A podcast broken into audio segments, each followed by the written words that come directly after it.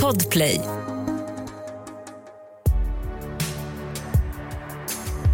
Albumet En blek blondins hjärta är en del av svensk musikhistoria. Jag pratar med dem som gjorde albumet så här drygt 30 år senare. Vad minns de? Hur tycker de låtarna känns idag? Vi ska lyssna på hela albumet låt för låt tillsammans med Eva Dahlgren som skriver och sjunger, Anders Glenmark som producerar och arrangerar, ljudteknikern Lennart Östlund och Marie Ledin som då gav ut Evas skivor på skivbolaget The Record Station.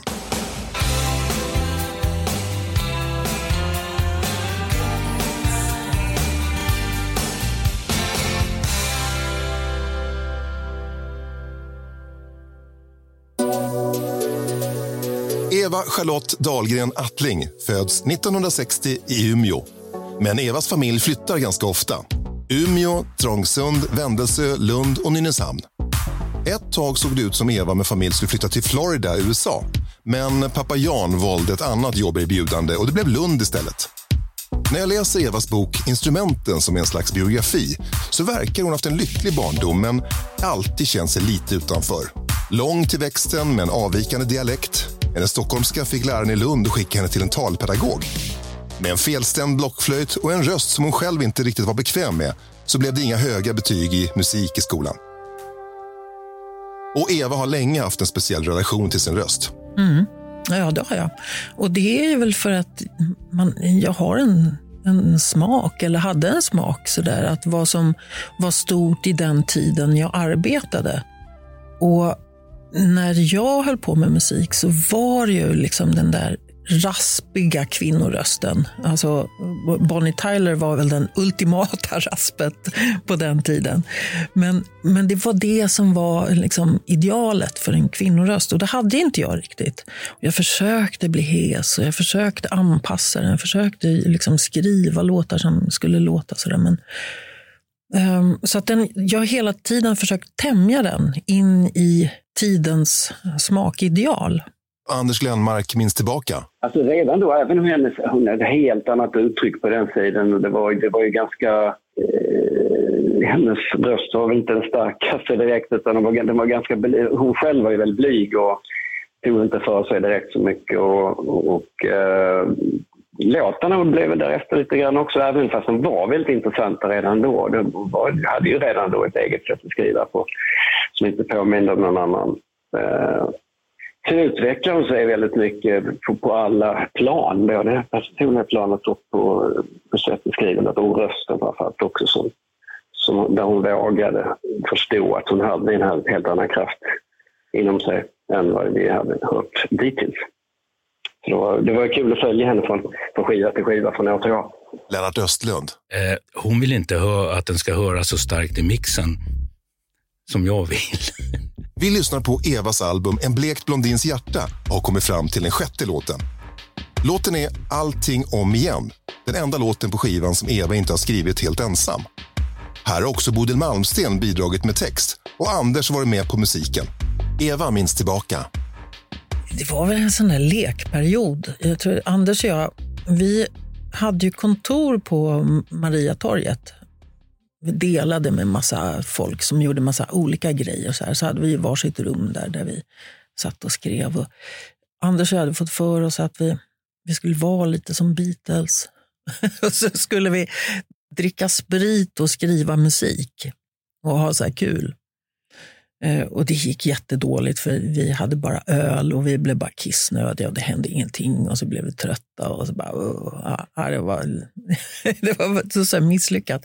Men vi hade kommit en bit på väg och sen så umgicks jag väldigt mycket med Bodil Malmsten då, eller vi hade så här en enorm eh, eh, telefonrelation, Bodil och jag. Så vi pratade i telefon varje dag. Och då så eh, sa jag så här, kan du inte skriva lite till Anders, jag håller på med någon sån här samarbetslåt.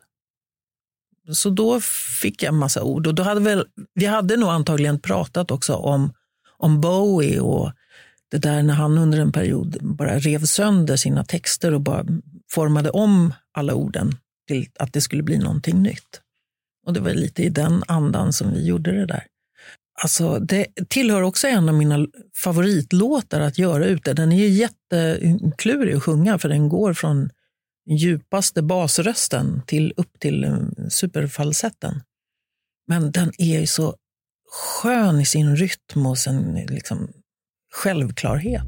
Nej, men det är också en sån här grej som jag... Ja, men det, jag hör ju att det är mycket, väldigt mycket jag i den. Stråkarna tar ju väldigt mycket plats där och det är... Eh, men själv så är det, det är nog en av mina bättre stråkar på, på den, tror jag. Jag tänker på hur Anders brukar göra när han arrangerar eller när en låt kommer till. Jag Brukar alltid börja med trummor, bas och ett kompinstrument. Nästa grej är kören.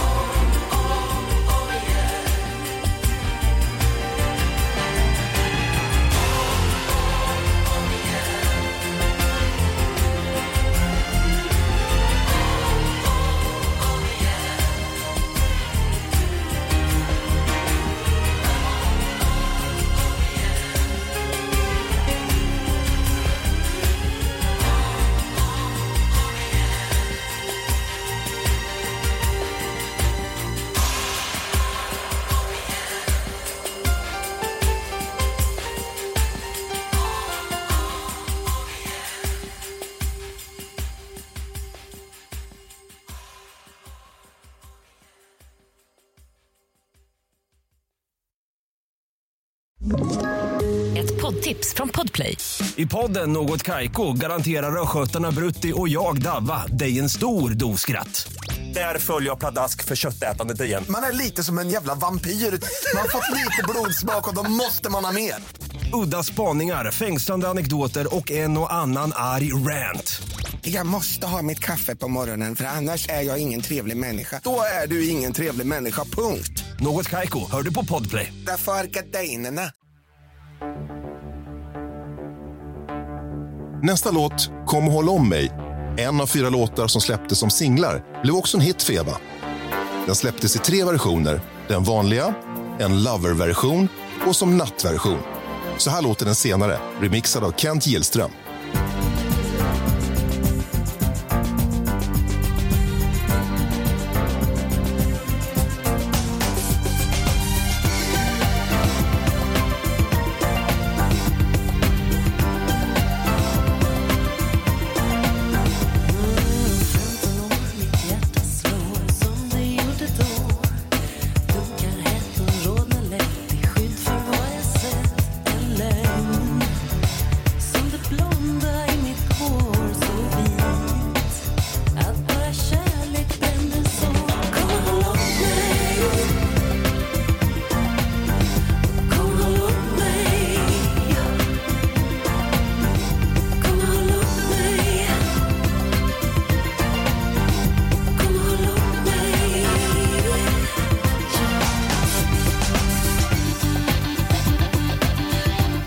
Ja, men det var ju min intention när jag skulle göra det här albumet.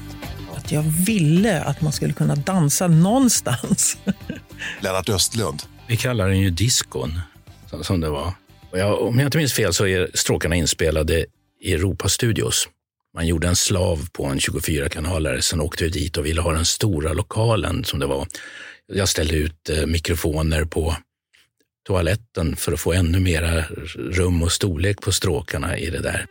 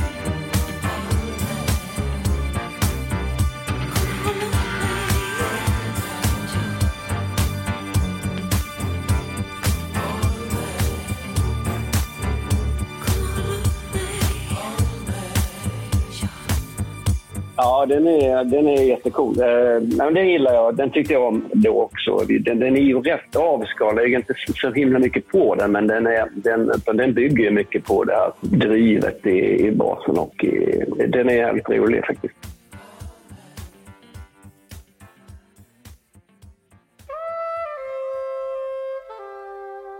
Eva inspireras av sin tid och tillåten Dunkla skyar av en debatt angående den svenska neutraliteten. Ja, men det var ju just, eh, just då var det en stor diskussion i Sverige om hur vi hade förhållit oss till neutraliteten under andra världskriget. Eh, och jag vet att jag läste en bok som Maria-Pia Boetius hade skrivit om just tyskarna hade åkt genom landet på tåg och själva dilemmat som vi hade. Ehm, att hålla Sverige utanför kriget eller eh, svika våra grannländer. Eller. Det var en väldigt stor diskussion då. Och som, eh, som vi sen eh, återigen sopade under mattan. Det var, som vi aldrig orkade ta tag i det där. Och vi har fortfarande inte tagit tag i mm, vårt vurmande för den typen av, av nazism eller så. Eh, Men i alla fall, så att det här är ju min, som en parafras på vår nationalsång. Jag anklagar herrarna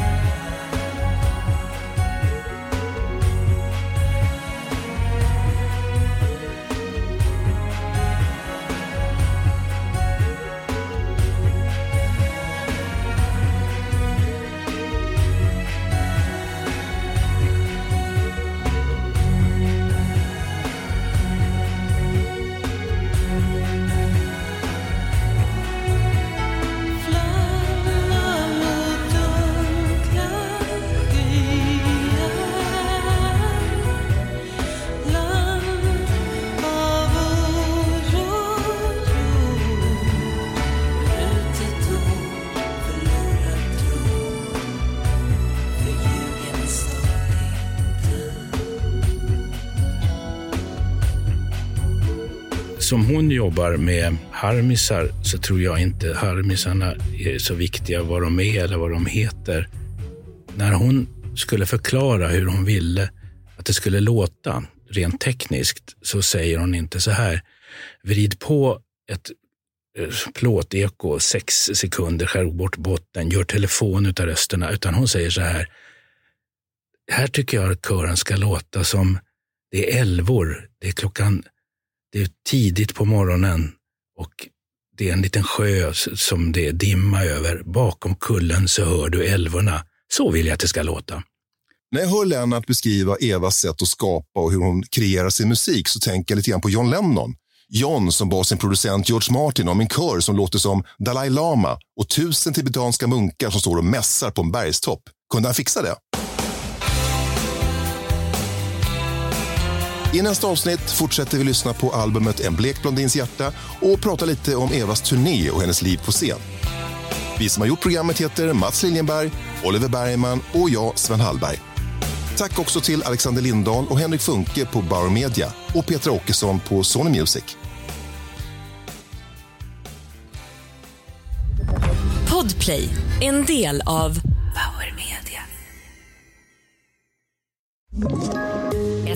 Poddtips från Podplay. I fallen jag aldrig glömmer djupdyker Hasse Aro i arbetet bakom några av Sveriges mest uppseendeväckande brottsutredningar. Går vi in med hemlig telefonavlyssning och, och då upplever vi att vi får en total förändring av hans beteende. Vad är det som händer nu? Vem är det som läcker? Och så säger han att jag är kriminell, jag har varit kriminell i hela mitt liv men att mörda ett barn, där går min gräns. Nya säsongen av Fallen jag aldrig glömmer på Podplay.